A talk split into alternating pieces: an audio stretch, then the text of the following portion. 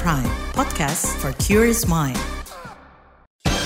Saatnya Anda dengarkan Ruang Publik KBR. Selamat pagi, kita berjumpa kembali dalam Ruang Publik KBR bersama saya Naomi Liandra. Pagi hari ini di Ruang Publik KBR kita akan membahas yaitu dengan tema meningkatkan keterwakilan perempuan di parlemen, apa tantangannya? Saudara, proses tahapan pemilu 2024 ini sedang berlangsung dan saat ini partai politik juga sedang menjaring kader-kader potensial yang nantinya bakal maju menjadi calon legislatif atau kita kenal dengan caleg. Dan persoalan terkait caleg ini ternyata masih menjadi perhatian juga, yaitu adalah masih minimnya keterwakilan perempuan yang duduk di parlemen. Lalu berdasarkan data KPU keterwakilan perempuan di Lembaga Legislatif Nasional DPR RI hasil pemilu 2019 adalah 120 orang, yaitu 20,8 persen dari keseluruhan uh, anggota yang berjumlah 575 orang.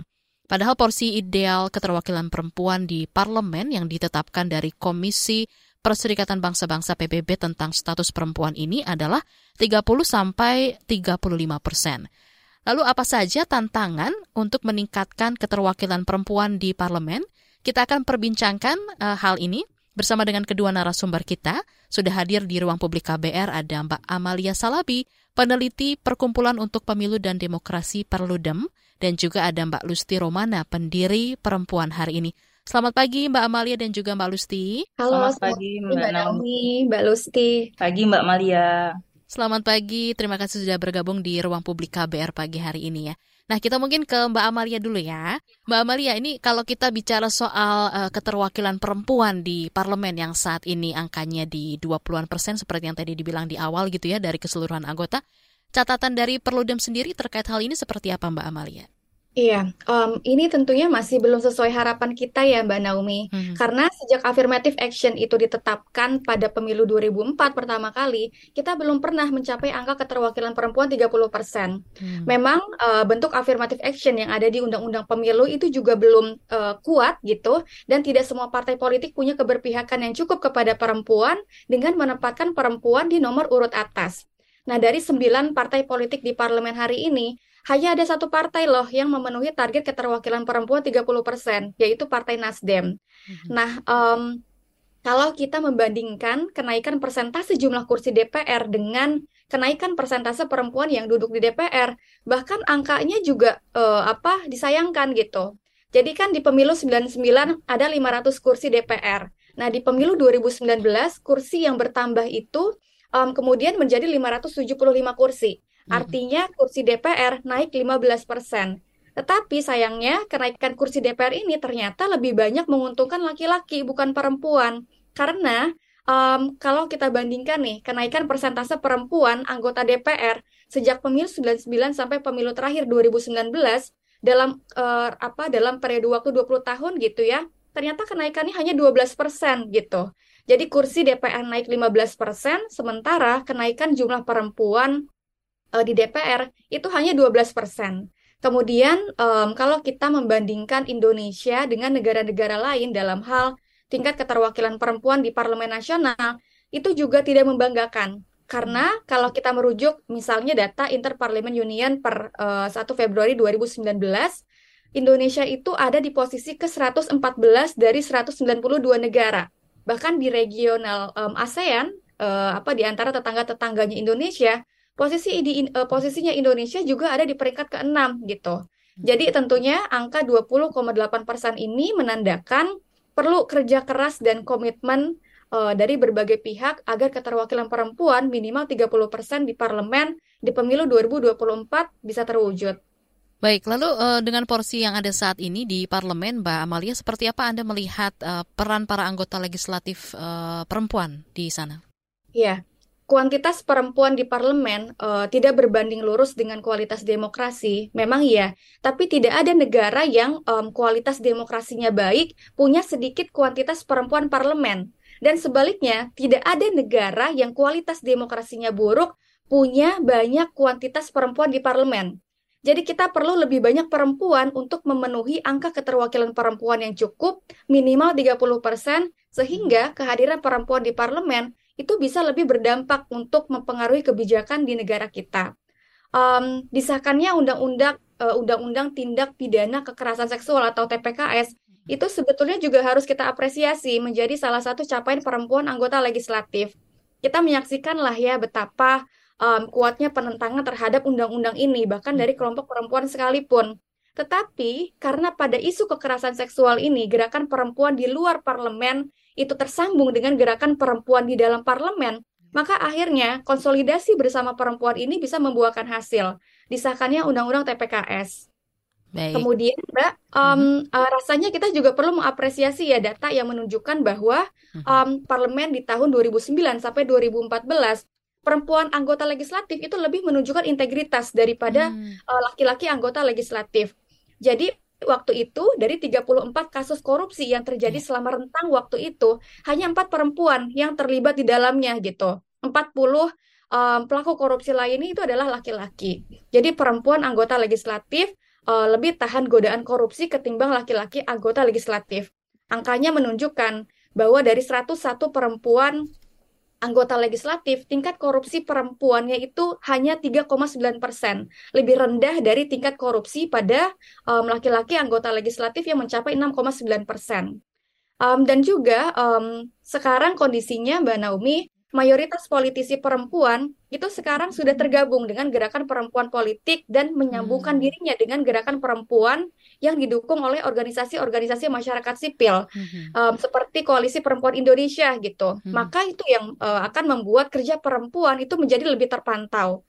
Teman-teman um, di gerakan itu selalu mengingatkan agar politisi perempuan tidak terlibat korupsi. Karena kalau terjadi lagi seperti pengalaman di 2009 dengan um, korupsi berjamaah hmm. politisi salah satu partai yang melibatkan politisi perempuan, juga kasus Ratu Atut juga um, uh, siapa uh, Rita Widiasari. Nah, korupsi oleh politisi perempuan itu menjadi pukulan yang yang sangat telak gitu bagi gerakan politik perempuan. Hmm. Nah, itulah um, sebetulnya um, paradoks dari masyarakat patriarkis ya, Mbak Naomi uh, lebih banyak politisi laki-laki yang melakukan korupsi, tetapi tidak ada tuh narasi yang mengatakan jangan pilih politisi laki-laki gitu. Nah, hmm. Nah, sementara sekali saja ada politisi perempuan yang um, yang korup, narasi yang dibangun adalah makanya jangan pilih perempuan, perempuan hmm. perlu banyak uang untuk perawatan diri, untuk barang-barang mewah gitu.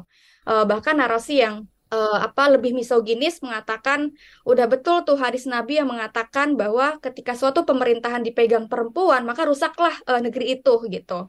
Jadi kualitas perempuan ditagi sementara kerja tidak benar dari politisi laki-laki itu terus-terusan dimaklumi. Padahal kita mau semua yang duduk di pemerintahan itu bisa bekerja benar, tidak korupsi dan betul-betul uh, menjadi representasi dari konstituennya masing-masing. Demikian Mbak Naomi. Baik Mbak Amalia, nah ini uh, kita juga ngobrol bersama dengan Mbak Lusti, uh, beliau ini adalah pendiri perempuan hari ini.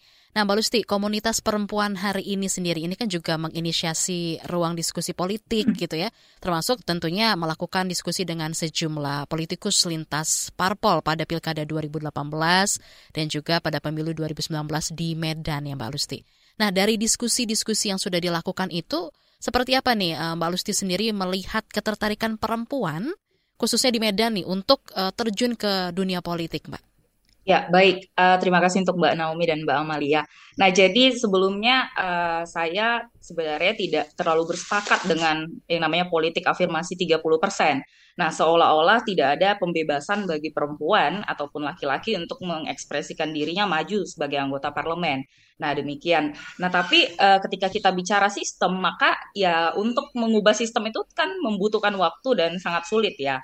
Nah, kala itu di 2018 sampai 2019 kita memang menginisiasi ruang uh, diskusi politik dan kita waktu itu mengundang uh, calon anggota legislatif perempuan dan khusus perempuan. Nah, tapi uh, anggota atau peserta partisipasi yang hadir pada diskusi politik hari itu itu uh, bisa gender mana pun. Nah, kala itu kenapa sih kita menginisiasi itu gitu? Karena kita melihat bahwa uh, di Sumatera Utara sendiri dengan kultur patriarki yang didominasi uh, masyarakat Batak, di mana kalau di acara-acara adat itu perempuan tidak terlalu diberikan porsi untuk mengambil keputusan.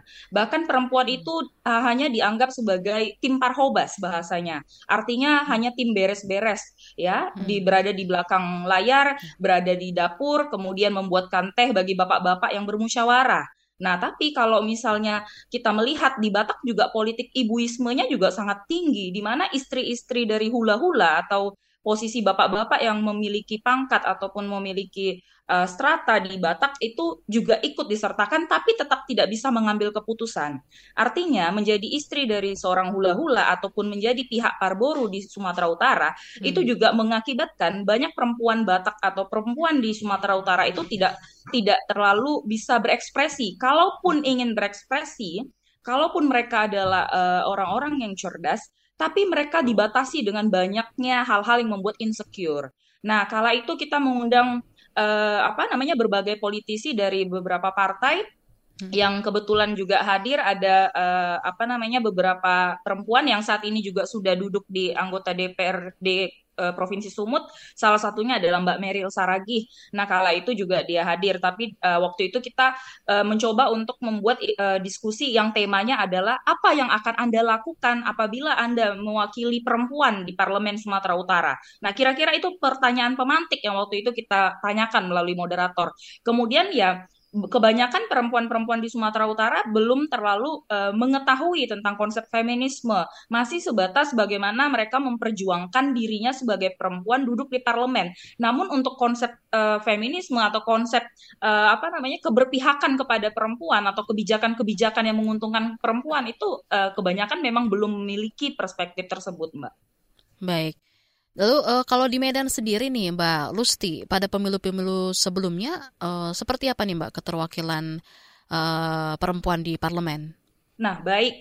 Nah, tadi Mbak Amalia kan sudah menyampaikan uh, dari apa persentase nasional ya. Nah, tapi kalau untuk dari Sumatera Utara itu kita keterwakilannya masih 15% dari target 30% ya. Artinya masih ada 50 orang anggota perempuan parlemen kalau digabungkan antara anggota DPRD di uh, provinsi dengan kabupaten kota. Hmm. Nah, uh, total untuk yang duduk di kabupaten kota itu ada 45 orang perempuan, sedangkan untuk yang duduk di provinsi perwakilannya hanya lima orang.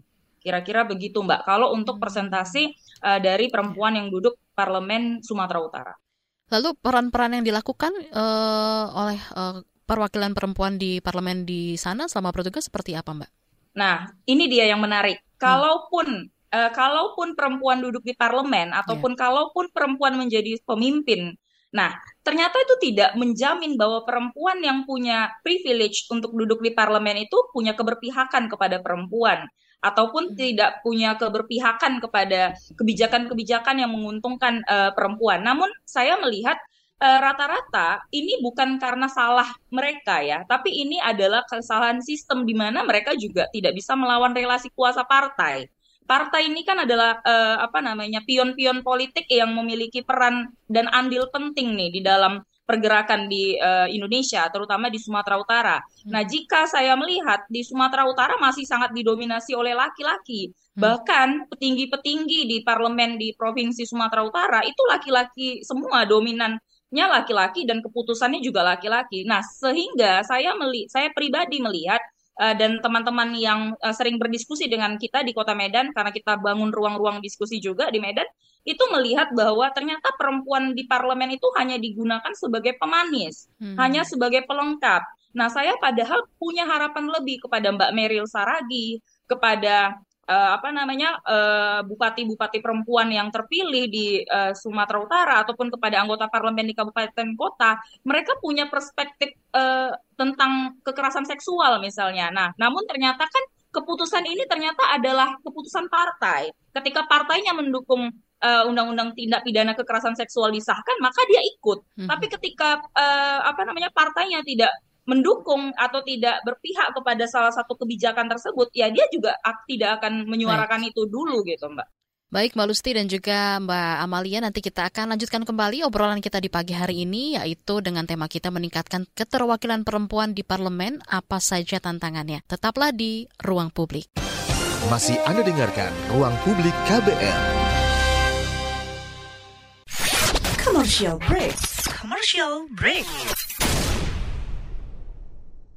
Transfer ke sini udah, bayar ini juga udah. Ke gue udah. Heh, Allah, pertumbuhan ekonomi tuh lagi melambat, persis kayak tabungan gue. Betul banget. harus matang ngelola keuangan. Pengennya tuh investasi sesuatu gitu ya. Apa gitu yang cocok dan menguntungkan? Hmm, coba dengerin uang bicara deh. Gue belakangan lagi dengerin podcast itu di KBR Prime reksadana yang tadinya 500 juta udah turun dari 250 juta sekarang 10 ribu. Sama kita ngopi mahalan mana?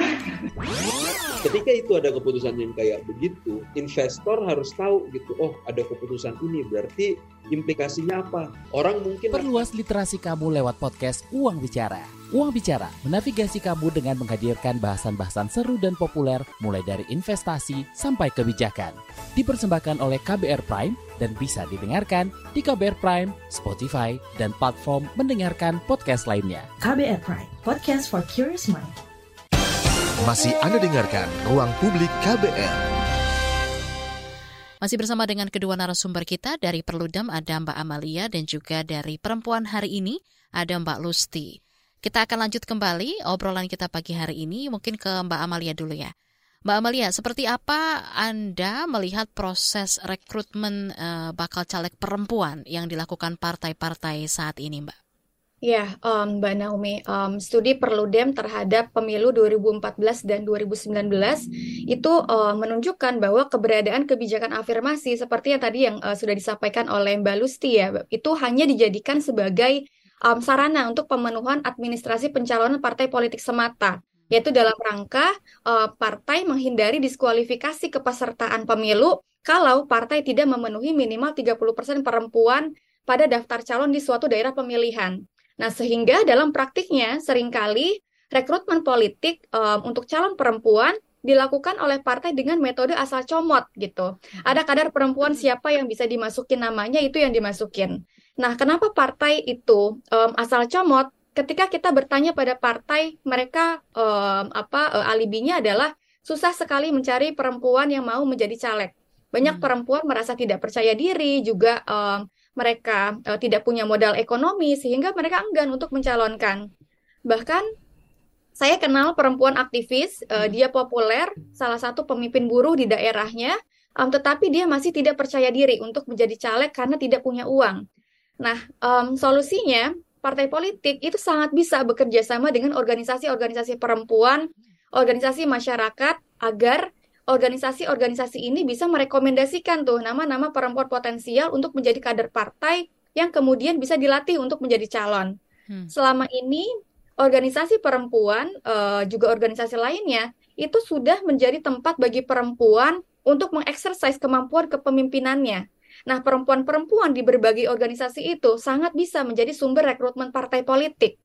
Um, riset yang dilakukan oleh Sally White dan Edward Aspinall itu menunjukkan loh bahwa 60% hmm. perempuan yang terpilih di lembaga legislatif tidak punya hubungan keluarga atau kekerabatan dengan orang berpengaruh di politik. Hmm. Nah, ini harus uh, disimpulkan oleh partai bahwa partai tidak perlu takut mencalonkan uh, mencalonkan perempuan-perempuan yang berasal dari gerakan perempuan atau organisasi kemasyarakatan. Karena faktanya um, pada pemilu 2019 lebih dari separuh perempuan yang terpilih di DPR RI bukanlah perempuan yang punya modal politik kekerabatan dengan elit politik.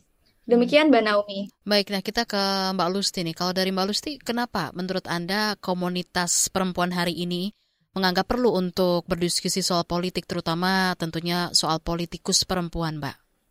Nah, jadi sebenarnya di awal kita tidak membatasi apakah diskusi ini hanya sebatas diskusi politik bagi perempuan di parlemen. Nah, hmm. awalnya kita juga ingin menumbuhkan kesadaran berpolitik bagi pemilih. Pemilih perempuan itu sering sekali dieksploitasi.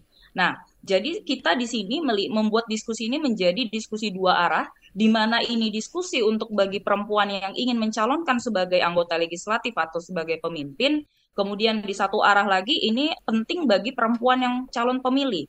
Nah, karena saya juga melihat bahwa di perempuan hari ini ketika kita membuat beberapa kali diskusi, saya melihat hasil yang signifikan itu di mana ketika perempuan-perempuan caleg yang waktu itu maju hmm. atau uh, masih sekedar anggota partai, kemudian mereka memberanikan diri untuk di 2019 kemarin itu untuk maju. Nah, ini kan ada sesuatu yang uh, signifikan yang menumbuhkan semangat dan kesadaran mereka bahwa mereka juga punya ruang gitu. Nah, tapi ternyata di aktivisme sendiri, Mbak, di kalangan aktivis, ada juga semacam stigma atau bullying kepada perempuan-perempuan yang mau yang mau maju ke, sebagai anggota parlemen. Nah, jadi kesannya ketika kita uh, aktif di aktivis uh, sebagai aktivis di uh, kota ataupun di ruang-ruang uh, rural lainnya, kita seolah-olah ketika maju sebagai anggota parlemen kita dicap buruk oleh teman sesama aktivis. Hmm. Nah, ini juga adalah ketidakpercayaan dari sesama teman ini sangat berbahaya, hmm. sangat merobohkan mental-mental perempuan-perempuan aktivis yang mau maju sebagai anggota parlemen. Nah, ini kan berbahaya sekali gitu. Teman sendiri saja tidak mensupport. Maka perempuan hari ini berusaha untuk membangun ruang ini agar kita mengabaikan hal-hal yang sebenarnya kita bisa uh, atasi bersama. Mm-hmm. Bagaimana perempuan support perempuan Bagaimana perempuan untuk memilih perempuan apabila ada perempuan yang maju, silakan pilih perempuan, tapi pilihlah perempuan yang juga memanifestasikan waktunya, memanifestasikan pikirannya untuk mengambil kebijakan-kebijakan yang menguntungkan perempuan juga. Baik. Nah, eh, Mbak Lusti dan juga Mbak Amalia sudah tergabung dengan di kita di sini di ruang publik ada Ibu Tri di Jakarta melalui sambungan telepon kita coba sapa dulu. Selamat pagi Ibu Tri. Iya, selamat pagi.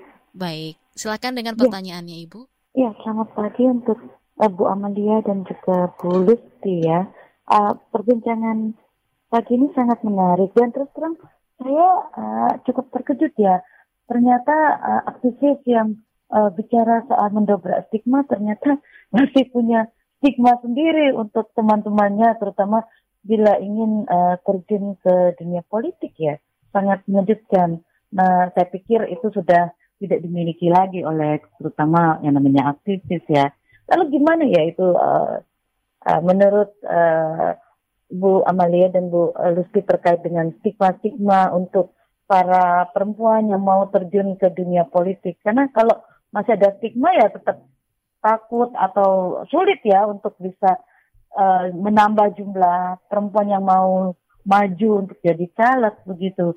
Nah, Tadi juga uh, saya mendengar sebelumnya Bu Amalia bilang kalau uh, anggota parlemen itu sudah ada yang apa namanya punya uh, hubungan dengan organisasi-organisasi uh, masyarakat begitu ya sehingga bisa di apa diawasi gitu ya supaya nggak korupsi gitu. Lalu kalau juga tadi uh, Bu Lusti bilang bahwa uh, PR-nya itu masih uh, walaupun dia uh, perempuan tapi belum tentu juga uh, ber, berperspektif perempuan begitu uh, belum uh, berpihak pada isu-isu uh, perempuan. Nah itu juga uh, bagaimana menurut tanggapan ibu-ibu untuk uh, mengatasi hal-hal ini. Uh, itu saja. Terima kasih. Baik, terima kasih Ibu Tri di Jakarta atas pertanyaannya. Silakan bisa ditanggapi dulu uh, oleh Mbak Amalia, lalu dilanjutkan oleh Mbak Lusti. Silakan. Iya, uh, Mbak, um, tadi pertanyaan pertama soal uh, kualitas uh, apa? Uh, Bagaimana stigma perempuan yang masih perempuan. sering ada di masyarakat mengenai pemimpin ataupun juga caleg perempuan seperti apa? Iya, uh, memang uh, tantangan juga bagi perempuan yang uh, mau maju di politik adalah masalah kualitas partai politik kita yang dipersepsikan buruk oleh publik. Mm -hmm. Banyak orang tidak percaya partai politik uh, survei indikator politik Indonesia pada Juli 2022, iya. kepercayaan publik terhadap partai itu adalah yang paling rendah dibanding institusi politik lainnya. Mhm. Nah, publik terutama orang muda, um, juga teman-teman aktivis yang tidak percaya pada partai politik, memang punya imbas terhadap ketidakpercayaan terhadap politisi, termasuk perempuan politisi. Nah, itulah kenapa uh, gerakan perempuan untuk uh, politik formal sering kali juga tidak didukung oleh sebagian gerakan perempuan yang uh, menilai bahwa politik Indonesia terlalu korup sehingga orang-orang yang terlibat di dalamnya itu tidak akan mungkin membawa uh, warna berbeda gitu. Jadi uh, ketidakpercayaan masyarakat terhadap partai politik uh, pada partai politik hari ini itu yang membuat teman-teman uh, perempuan di gerakan akar rumput itu juga enggan untuk mendukung perempuan. Hmm, baik. Mungkin tanggapan tambahan dari Mbak Lusti seperti apa, Mbak? Seperti apa, Mbak? Iya, jadi ini berdasarkan pengalaman pribadi juga ya. Hmm. Saya baru-baru ini dicek oleh salah satu ketua pergerakan buruh di Sumatera Utara yang meminta saya untuk maju sebagai anggota uh, legislatif hmm. dari Partai Buruh. Ya. Nah, jadi ketika saya uh, menceritakan hal ini, menceritakan ajakan ini dari uh, apa namanya dari si abang ini, saya tidak usah sebut nama, kemudian saya ceritakan ke, kepada teman-teman aktivis yang lain, mereka malah menjudge dan bilang, oh nanti kamu berubah persepsi loh, nyampe di sana kamu kalah oleh sistem loh, karena kebanyakan hmm. aktivis-aktivis maaf, aktivis-aktivis 98 itu merubah persepsinya ketika berada di sana. Padahal saya berpikir bahwa, hello, jangan samakan aktivis 98 hmm. dengan aktivis hari ini gitu ya. Nah, kemudian saya juga dilamar oleh salah satu partai uh, baru ya uh, di di apa namanya di legislatif. Kemudian saya juga diminta untuk menjadi anggota legislatif. Namun saya melihat ada ketimpangan di sana. Dia mengatakan supaya saya itu melengkapi kuota 30% dan dia minta tolong secara personal. Berarti dia tidak mengakui kemampuan saya. Hmm. Dia tidak melihat dari pergerakan saya, tapi dia hanya ingin melihat bahwa saya punya masa saya hmm. punya keuntungan yang bisa memberikan sumbangsi kepada partai politiknya. Nah ini kan berbahaya sekali kalau punya pola pikir seperti ini dan yang melakukan ini adalah kebanyakan laki-laki. Nah ini soal stigma mbak. Hmm. Nah, jadi untuk mem mematahkan stigma ini, kita perlu untuk membuat campaign-campaign uh, di media sosial bahwa kita perlu meluruskan kalau pemimpin perempuan maju sebagai anggota legislatif silahkan didukung. Tapi kita juga hapuskan stigma-stigma tersebut karena hari hmm. ini saya melihat campaign-campaign media sosial itu jauh lebih efektif ketimbang apa yang diberitakan di TV-TV nasional karena TV-TV nasional saat ini berkiblat pada partai politik. Hmm. Nah, kira-kira seperti itu, Mbak. Baik, jadi uh, eh, PR berikutnya adalah memperbaiki partai politik juga sampai politikus gitu ya untuk memperbaiki stigma itu juga ya, Mbak Lusti dan juga Mbak Amalia. Ini kita masih akan lanjut lagi uh, membicarakan mengenai topik kita pagi hari ini soal meningkatkan keterwakilan perempuan di parlemen, apa saja tantangan-tantangannya. Tetaplah di ruang publik. Masih Anda dengarkan Ruang Publik KBR.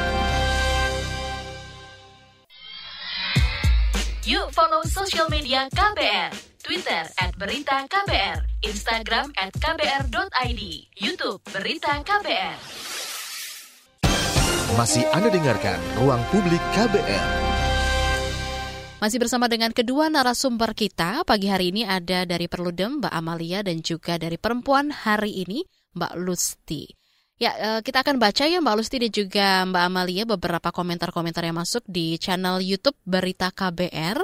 Salah satunya ada dari Bimo di Tangerang Selatan, ingin bertanya kepada Ibu Amalia, apakah partai politik dirasa sudah memulai kerjasama dengan berbagai organisasi perempuan untuk lebih membuka akses perempuan ke dunia politik?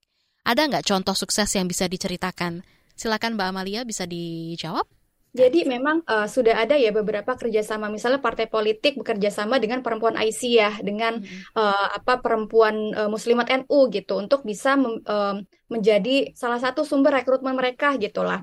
Nah kemudian ada juga Mbak hal-hal um, yang sudah dilakukan uh, secara progresif gitu ya oleh teman-teman perempuan, misalnya ada organisasi Maju Perempuan Indonesia, mereka mensupport um, apa uh, dengan kerjasama dengan media Indonesia misalnya untuk memuat tulisan politisi-politisi perempuan.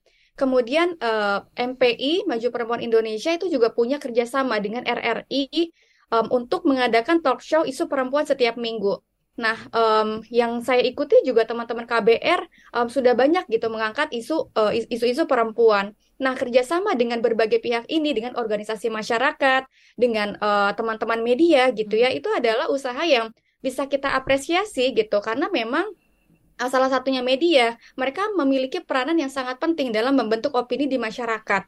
Ketika media menampilkan narasi bahwa um, perempuan itu kredibel untuk memegang posisi publik, um, kemudian uh, apa media lebih banyak mengangkat kerja baik perempuan, hmm. memberikan ruang uh, bagi suara perempuan terhadap banyak isu gitu. Maka publik akan menangkap itu dan kita berharap pemilih menjadi lebih ramah terhadap perempuan calon. Um, demikian uh, Mbak Naomi. Baik Mbak Amalia, kita baca kembali uh, komentar yang masuk di channel YouTube Berita KBR dari Wikan Wiratsongko di Bekasi. Bagaimana proses rekrutmen dan upaya peningkatan kapasitas perempuan di partai? Apakah ada peran dari organisasi-organisasi perempuan? Bisa ditanggapi oleh Mbak Lusti, kemudian ditanggapi tambahan oleh Mbak Amalia. Silakan. Ya, baik. Nah, kalau untuk di Sumatera Utara sendiri, hmm. tadi saya lupa mention di awal, uh, sebenarnya ada ya, bahkan itu dilakukan oleh Forum Jurnalis Perempuan Indonesia. Hmm. Nah, jadi kalau Forum Jurnalis Perempuan Indonesia di Sumatera Utara itu cukup progresif untuk menaikkan ataupun untuk melakukan diskusi-diskusi yang mengangkat uh, kredibilitas perempuan. Nah, tidak peduli apakah perempuan itu dari kalangan aktivis atau bukan. Yang penting adalah uh, kita angkat dulu figur perempuan dan itu sudah dilakukan waktu itu dengan diskusi politik kita. Nah, pernah waktu itu kabar berita Radio Jakarta meliput perempuan hari ini di Medan juga. Nah, yeah. ter, di dalam forum itu uh, Forum Jurnalis Perempuan Indonesia itu juga terlibat sebagai salah satu uh, apa namanya narasumber. Dan saya ingat betul bahwa di Hari Pers Nasional kemarin sempat ada apa namanya ada pembicaraan bahwa bagaimana uh, keterlibatan jurnalis perempuan Indonesia uh, terutama dalam memberitakan berita-berita yang me, apa ya namanya yang menampilkan bahwa perempuan-perempuan itu punya kredibilitas terutama ini sudah dekat dengan tahun politik itu sangat di, sangat diperlukan dan itu penting. Nah, selain dari peran-peran uh, dari Forum Jurnalis Perempuan Indonesia kalau untuk di Sumatera Utara sendiri Nah, memang untuk gerakan perempuan itu ada beberapa di daerah seperti Hapsari. Hapsari itu uh, khusus untuk perempuan-perempuan petani, serikat perempuan petani, kemudian ada serikat perempuan buruh dan lain-lain.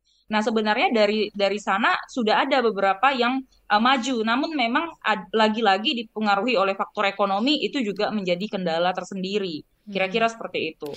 Baik, uh, kita lanjut kembali kita ke apa Mbak Amalia mungkin tanggapan tambahannya yang tadi sudah disampaikan oleh Mbak Lusti ada yang mau Iya, ditambahkan? memang iya, Mbak Naomi memang ada banyak sekali PR yang harus kita lakukan gitu. Ini melibatkan uh, multi pihak.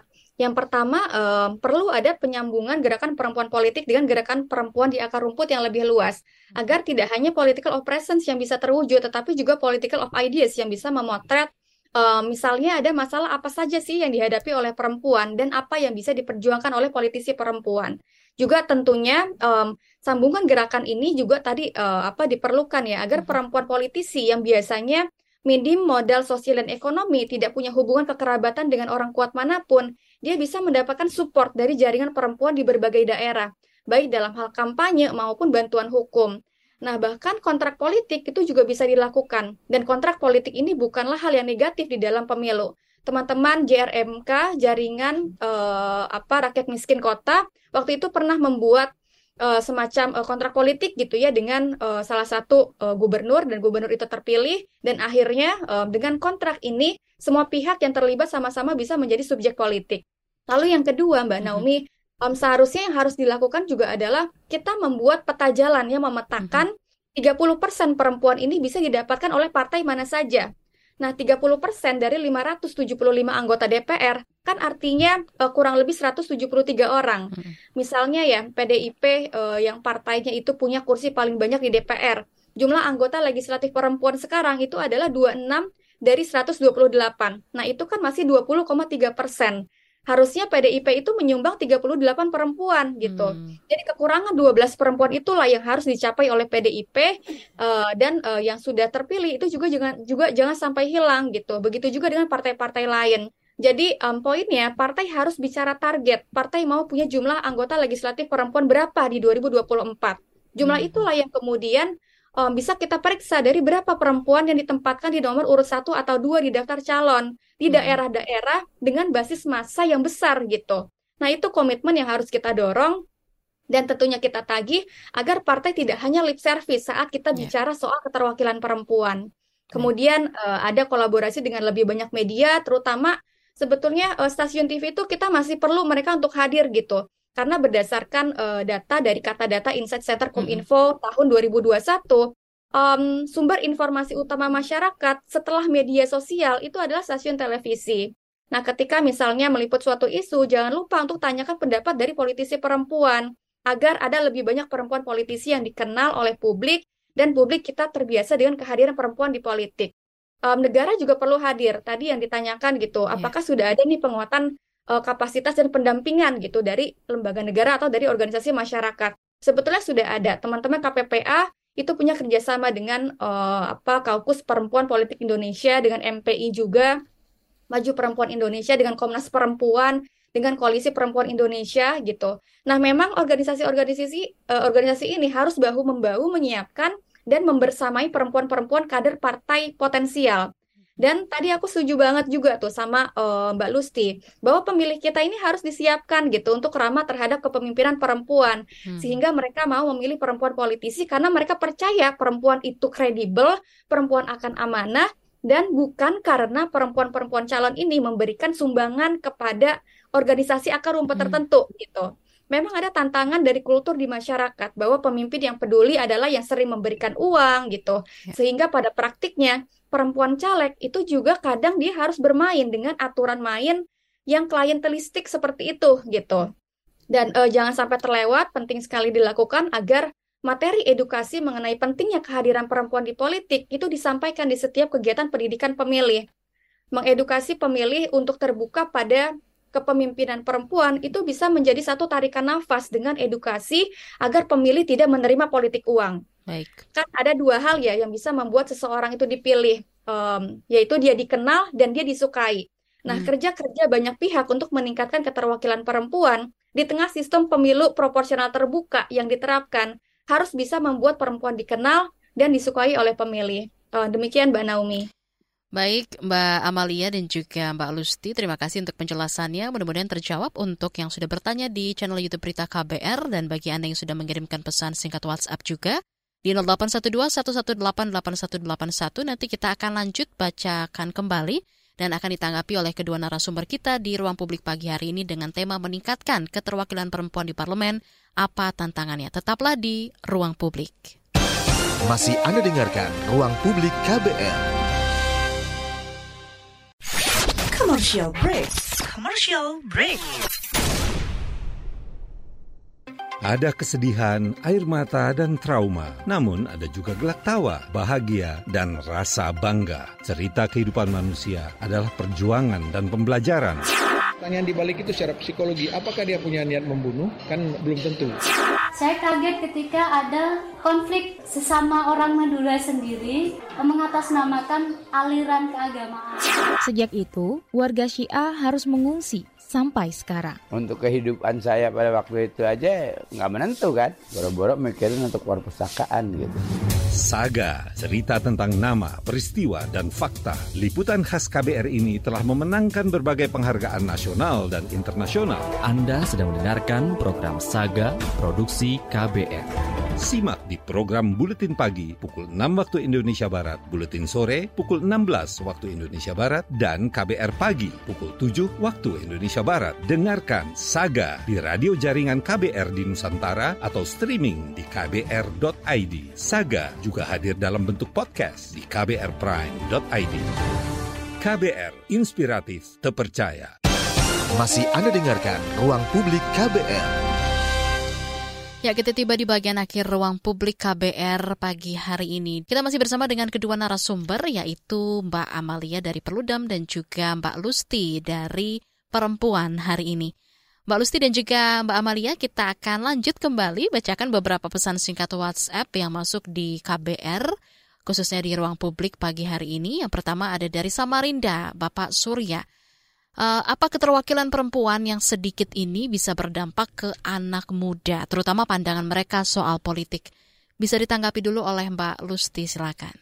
Ya baik, uh, tentunya iya karena memang uh, anak-anak muda juga pada hari ini saya hmm. melihat ada pergeseran persepsi ya untuk hari ini di mana kalau anak-anak muda hari ini itu tidak hanya melihat bahwa pandangan yang baik itu adalah pandangan yang dimiliki oleh laki-laki pemimpin tapi anak muda hari ini juga saya sudah melihat bahwa mereka juga sebenarnya sudah punya keberpihakan dengan banyaknya isu-isu kesetaraan gender dengan banyaknya isu-isu inklusi sosial yang berkembang baik itu di uh, apa namanya mata kuliah dan juga di eh, ruang-ruang uh, diskusi yang ada di Indonesia, terutama di uh, saya bicara dengan konteks Sumatera Utara, dan saya melihat anak-anak muda juga hari ini sudah sangat mendukung pergerakan perempuan, mau itu laki-laki, perempuan atau gender minoritas yang lain.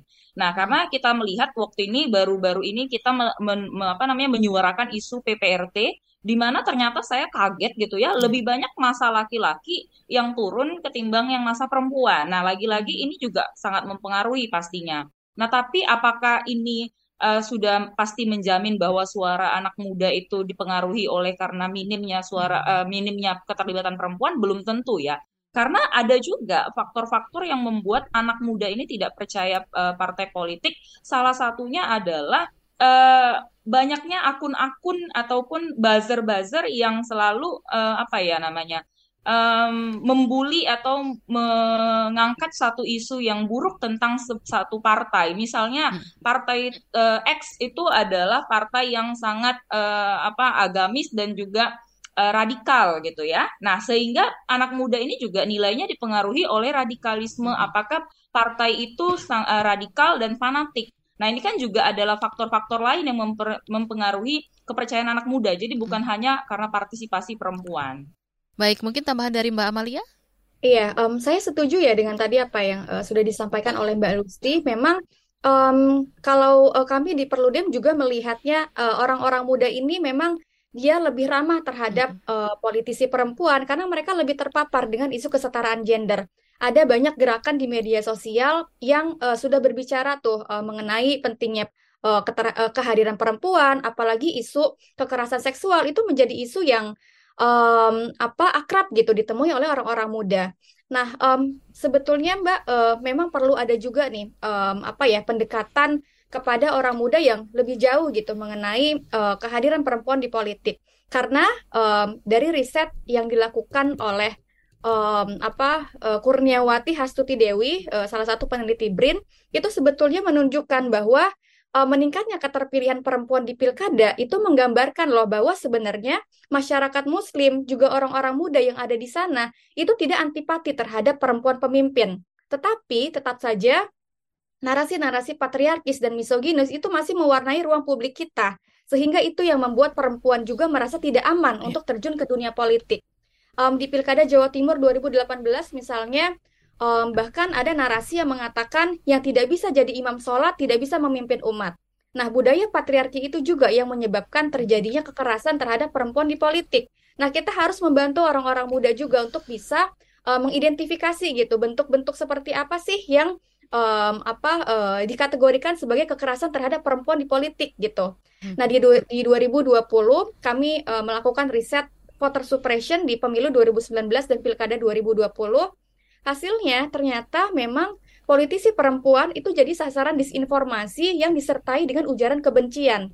Nah, kami menemukan konten-konten yang menyerang para perempuan politisi PSI. Narasinya um, perempuan ini apa uh, bodoh gitu ya pernyataannya kepada publik diolok-olok dengan narasi hmm. yang misoginis juga seksis. Jadi perempuan mau berpartisipasi, mau vokal menyuarakan pendapatnya, hmm. tetapi terkadang mereka mendapatkan bully yang lebih parah dari ketika politisi atau aktivis laki-laki melontarkan pernyataan yang aneh. Nah, harus ada edukasi uh, kepada pemilih-pemilih uh, muda untuk hmm. uh, untuk agar mereka bisa mengidentifikasi bentuk-bentuk kekerasan terhadap perempuan di politik. Baik Mbak Amalia dan juga Mbak Lusti, ini karena waktu yang juga terbatas, uh, terakhir ya bisa ditanggapi oleh Mbak Lusti dulu, kemudian dilanjutkan oleh Mbak Amalia. Mengapa penting adanya keterwakilan perempuan dalam parlemen kita, Mbak? Silakan dari Mbak Lusti dulu. Ya baik, Nah, jadi uh, kita pernah di ruang baca saudari dengan Indonesia Feminis membuat suatu diskusi buku judulnya Manifesto Feminisme 99% karyanya Cynthia Azura dan juga Nancy Fraser. Nah, jadi di buku itu uh, jelas dikatakan bahwa sebenarnya ada satir-satir uh, yang terkandung muatan di dalamnya um, menginterpretasikan bahwa perempuan baik di ruang publik ataupun ruang domestik sebenarnya sama-sama berharga.